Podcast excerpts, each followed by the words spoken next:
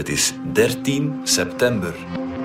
Dit is vandaag de dagelijkse podcast van de Standaard. Ik ben Alexander Lippenveld. Bpost heeft een nieuwe CEO. Zijn naam is Chris Peters, de huidige CEO van Elia.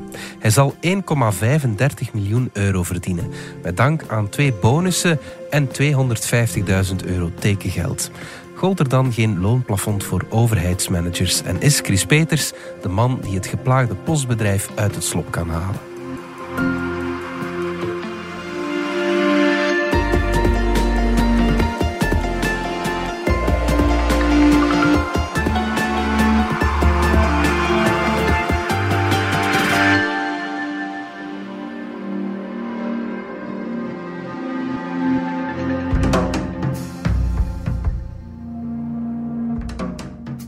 Dat er geen vloek op rust. Hè. Ik kijk er eigenlijk wel naar uit. Het is een bedrijf met een zeer grote maatschappelijke relevantie. Ik denk dat het een mooi bedrijf is. Ik denk dat het een bedrijf is dat heel veel mensen aanspreekt. Er zijn natuurlijk grote uitdagingen. We gaan dat niet wegsteken, dat die grote uitdagingen er zijn.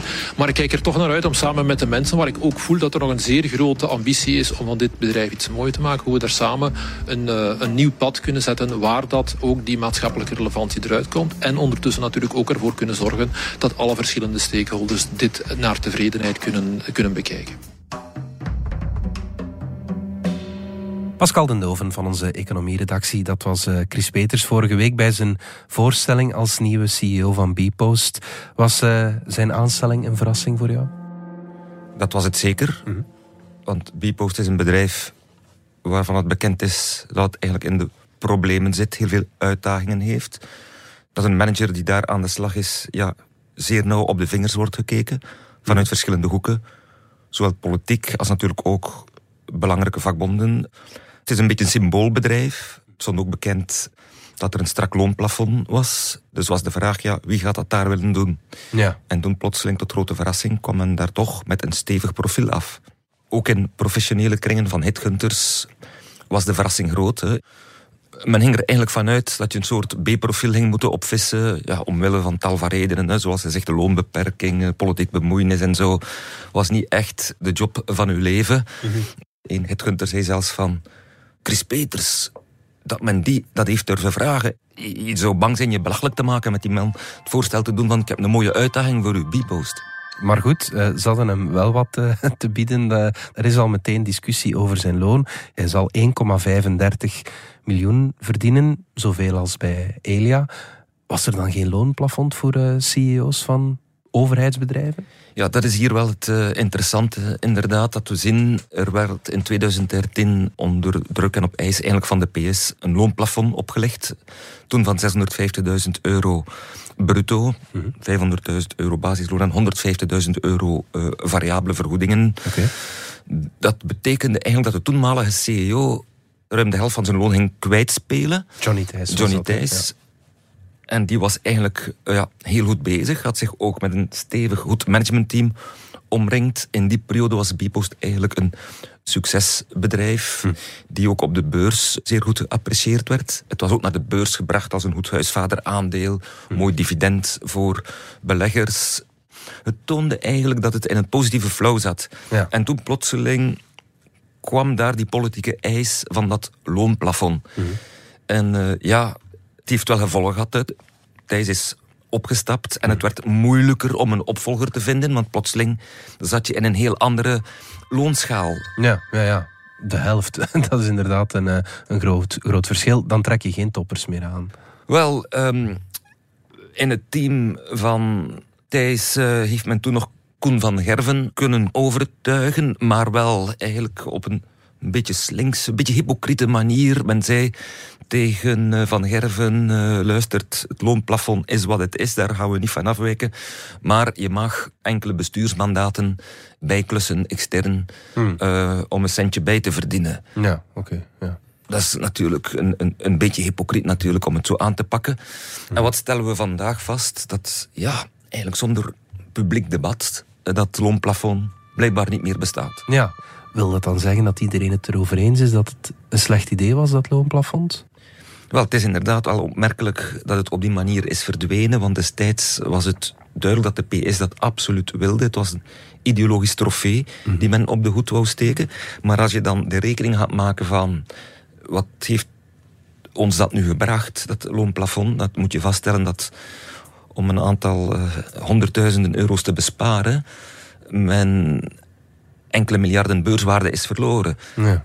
Het bedrijf heeft vervolgens met management problemen te kampen gekregen. Er is een leegloop aan de top gekomen van dat succesvol team dat er was. Al die mensen zijn eigenlijk weg. Ja. En op de beurs is het aandeel helemaal onderuit gegaan. Dus de overheid heeft zichzelf daar flink in de voet geschoten. En ik denk dat men dat beseft, dat men zichzelf hier geen dienst heeft bewezen en een vergissing had gemaakt. Mm, ja.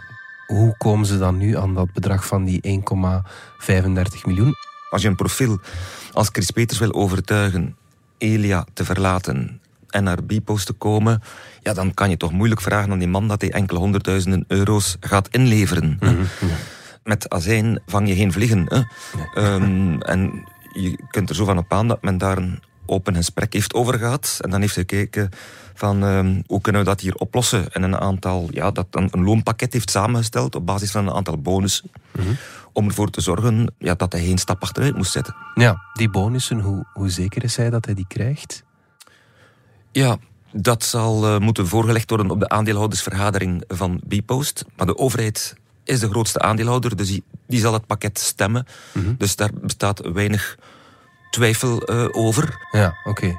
En is hij helemaal zeker dat hij die bonus ook krijgt? Want je moet daar toch ja, resultaten voor boeken natuurlijk. Hè? Dat klopt en daar zal het zeker van afhangen. Hè. Dus er zijn een aantal criteria die opgelegd worden, zowel wat financiële prestaties, maar ook wat duurzaamheidscriteria hmm. betreft. Je hebt een korte termijn bonus die eigenlijk gebaseerd is op het halen van jaardoelstellingen. Hmm. En dan heb je een meerjarenbonus die over drie jaar loopt. Dus dat moeten die criteria over drie jaar gehaald worden. Die wordt ook jaarlijks uitbetaald. En beide bonussen kunnen telkens oplopen tot de helft van het basisloon. Ja. Hier hebben we gezien dat men ook nog een derde type eenmalige bonus uh, uit de kast heeft gehaald. En dat is een zogenaamde welkomstbonus. Hè. Ja. Uh, en die welkomstbonus die zou 250.000 euro bedragen. En dat was eigenlijk om te beletten dat Peters door het verlaten van Elia, ja, loopt hij daar een bonus mis. En hmm. dat compenseert men dan op deze manier. Ja, oké, goed. Uh, heel veel uh, creativiteit is daarbij komen kijken. Um, opvallend wel, het nieuws over zijn verloning, dat lekte uit in uh, Le Soir. Je hebt er ook op gebeld. Nog Petra de Sutter, de voogdijminister, nog Bipost wilde transparant zijn. Ja, is het zo moeilijk te verdedigen dan wat ze wat ze hem geven? Ja, het is duidelijk dat men hier niet uh, de prijs van goede communicatie zal halen met deze episode. Dit had eigenlijk wel anders gekund. Hè. Afgelopen donderdag had je duidelijk dat verrassingseffect. Ja. Van we hebben hier een manager met een stevig profiel, iemand die Bipo's terug op de reis kan zetten. We konden natuurlijk ook niet verlangen dat die man ging inleveren. En dus staat daar ook een correct marktconform pakket tegenover. Zo eenvoudig was dat om dat in één keer allemaal te communiceren. Mhm. En dan was dat voor iedereen duidelijk. Nu is daar terug een sfeer rond gecreëerd van om het eigenlijk te zeggen zoals Geert Kools het zei van de vakbond ACOD, is precies of dat men uh, dat het wat gevoel achterkamerpolitiek aan te pas kwam. Ja, dat is voor niks nodig, hè, want dat kleeft dan ook mhm. aan Chris Peters, moet je inbeelden. Dat is een manager met een stevige staat van dienst. Mhm. En hij komt daar nu eigenlijk al in zo'n loondiscussie terecht wat eigenlijk perfect vermeden had kunnen worden. Is voor niemand interessant wat nu gebeurt. En dus vraag je af, ja, waarom is men daar niet transparanter over geweest? Dat is ook de vraag die de oppositie zich stelde van, eh, oké... Ehm, we dachten dat er een nieuwe wind ging waaien, dat de transparantie nu de regel ging worden. Mhm. En toch valt men weer blijkbaar in die fouten die men Bipost verwijt vroeger gemaakt te hebben. Ja, oké. En wist Petra de Sutter eigenlijk dat uh, Chris Peters zoveel zou verdienen? Ja, duidelijk wel. Hè. Het is uh, minister De Zutter die het vrijdag ook op het kernkabinet aan de collega's heeft gedeeld. En in hoofdlijnen het uh, loonpakket heeft toegelicht aan het uh, kernkabinet. Maar vervolgens ja, stond ze op de lijn van het is Bpost die dat moet communiceren. Hmm. Strikt genomen is het ook die raad van bestuur van Bpost, het verloningscomité in die raad van bestuur, die dat loonpakket heeft onderhandeld. Uiteraard is de voogdijminister daarvan mee op de hoogte gehouden. Um, op, de vraag of wat dat dan betekent voor het principe van de Groenen en eigenlijk ook PS om een loonplafond te hebben en geen exorbitante of overdreven hoge lonen bij overheidsbedrijven.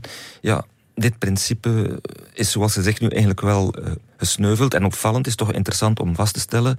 De minister gisteren dan in haar reactie zei van um, dit loon is marktconform. Ja, ja. En we hebben hier een stevige manager, Peet. Ja. Dus je ziet daar toch dat men opgeschoven is en het anders bekijkt. En dus dat loonplafond, dat die discussie blijkbaar ja, afstommelings ja. Uh, verdwenen is, of het principe van dat loonplafond. Ja, ja, ja, inderdaad. En hoe reageren de, de vakbonden? Ik kan me inbeelden dat veel postbodes nu ook denken, uh, geef mij ook maar een bonus. Uh. Ja, wel, inderdaad. Onder andere de Partij Vooruit merkt op van, ja, telkens weer loonsverhogingen voor de top en vaak zonder dat daar veel resultaat tegenover staat. De mensen willen ook wat. Hè. De loonkloof wordt steeds groter doordat die toplonen steeds sneller uh, de hoogte ingaan. Vooruitstelt dat het loonverschil tussen het hoogste en laagste loon een factor 52 uh, ja. zou zijn. Dat er natuurlijk van uitgaan dat al die bonussen ook effectief gehaald worden, wat geen zekerheid is.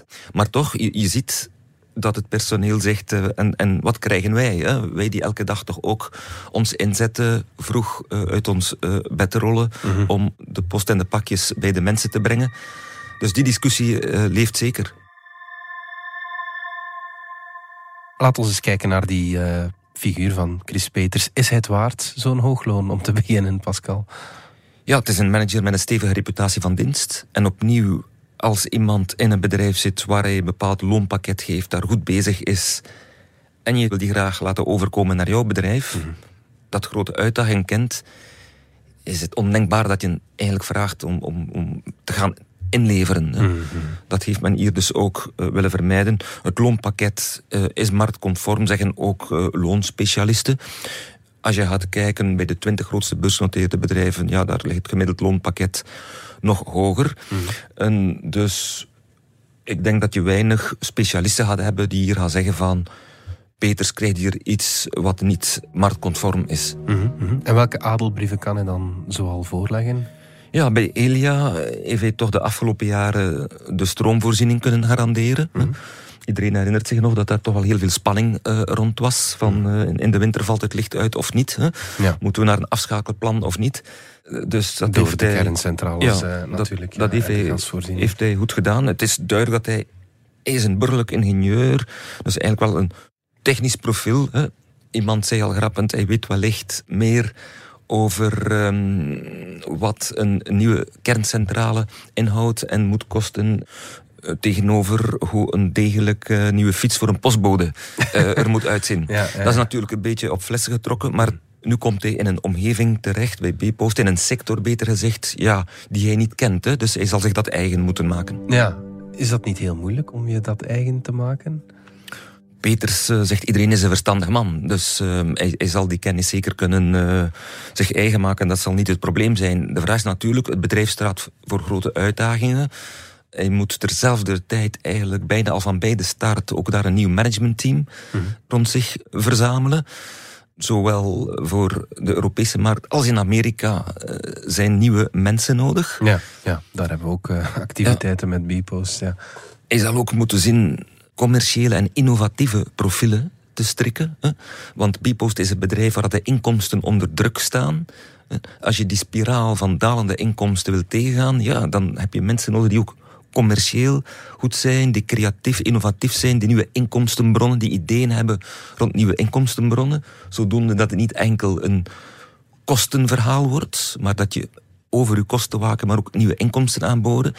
Dus er is best daar veel werk uh, aan de winkel. Ja, oké. En wat zijn dan zijn grootste uitdagingen? Wel, als je naar de sector kijkt of het bedrijf waarin hij terechtkomt, dan zie je dat die brievenpost vanouds vanouds de belangrijkste winstbron eigenlijk, dat die brievenpost jaarlijks met om en nabij de 8% krimpt. En dat blijft zo krimpen. Je hebt de pakjesmarkt die, die groeit, maar die is hyperconcurrentieel. Je hebt de uitdagingen van de diensten, logistieke e-commerce diensten, waarin Bpost wil groeien. Met in Amerika heb je dat grote bedrijf Radial, waar destijds een stevige Duits is voor betaald. Ja, waar men ook nieuwe commerciële contracten moet binnenhalen. Ook daar zien dat de groei verzekerd blijft. En opnieuw, ja, in België heb je die uitdaging van een bedrijf in volle transformatie, waar de laatste jaren niet zoveel is gebeurd. Dus er is best een inhaalbeweging te doen.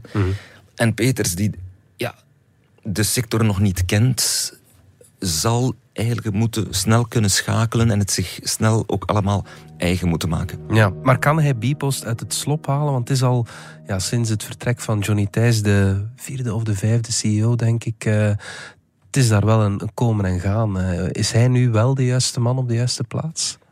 Heeft een stevige staat van dienst, hè? Dat, dat is duidelijk. Het enige wat je kan vaststellen is dat ja, bij Elia werkten enkele duizenden mensen en bij Bpost werken om en nabij de 36.000 mensen. Heb je belangrijke vakbonden. Het is toch een andere omgeving dan, laat zeggen, dat ingenieursbedrijf, als ik het zo mag uh, samenvatten, mm. die Elia was. Maar als hij hier kan tonen dat hij een sterk leider is, een goed managementteam kan vormen en dat terug richting aan dit bedrijf geven en enthousiasme in dat bedrijf brengen, nieuwe groei paden kan bewandelen, ja, dan is er geen enkele reden dat het niet zou lukken. Kijk, het bedrijf heeft de afgelopen tijd zoveel klappen gehad. Mm -hmm. Er is wel wat upside potentieel. Hè? Ja. Dus ik ben overtuigd dat hij dat ten volle zal willen benutten. Ja. Nu goed, Pascal, hij komt wel in een, ja, in een wespennest uh, terecht. Hè. Iedereen moeit zich met Bpost, de politiek in de eerste plaats natuurlijk. Beseft hij wel waar hij aan begint? Zonder twijfel uh, beseft hij dat. Hè. Het is natuurlijk niet in detail bekend welke afspraken hij heeft gemaakt. Maar het is duidelijk dat hij ruimte zal moeten krijgen om dat bedrijf te transformeren. Hmm. En dus de politiek zal hier ook wel moeten consequent zijn.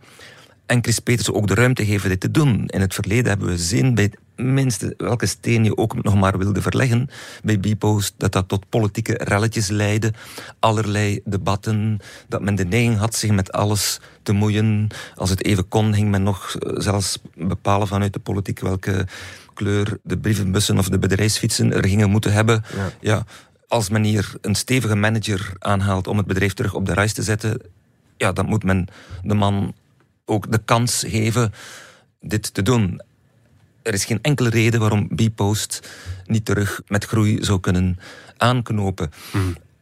Afgelopen jaar was de discussie niet zozeer dat het bedrijf het slecht deed, hè, dat de cijfers onder de verkeerde kant opgingen. Mm los van die krimpende brievenpost, maar was het vooral die discussie rond de krantenconcessie, de facturaties in het verleden, heeft men de overheid te veel aangerekend, de verschillende audits mm. die daar moesten gebeuren. Dus het bedrijf werd eigenlijk meegesleurd in een onzalig debat. Het is nu belangrijk dat er terug rust komt en dat men zich met de belangrijke zaken, uh, belangrijke operationele uitdagingen, beter gezegd, kan, kan bezighouden. Ja. Kijk, dat verleden is nog helemaal uitgeklaard. Hè. Er lopen nog onderzoeken. De Belgische mededingingsautoriteit is met het onderzoek bezig. Er loopt ook nog die, die interne audit waar al veel rond te doen is geweest van Bpost. Maar je hebt ook een externe audit die nog loopt en die binnen afzienbare tijd zal voorgesteld worden. Dus dat verleden dat zal nog wel naar voren komen. Maar ik denk dat iedereen wel beseft dat men het bedrijf niet opnieuw in een crisissfeer moet terechtbrengen. Ja, oké. Okay. Pascal den Dove, dankjewel. Dank u. Dit was vandaag de dagelijkse podcast van De Standaard. Bedankt voor het luisteren. Volg ons op Spotify, Apple Podcast of eender welk ander podcastplatform. In onze gratis FDS podcast kan je niet alleen ons werk beluisteren, maar ook de beste podcasttips terugvinden. Alle credits van de podcast die je net hoorde vind je op standaard.be-podcast. Reageren kan via podcast.standaard.be.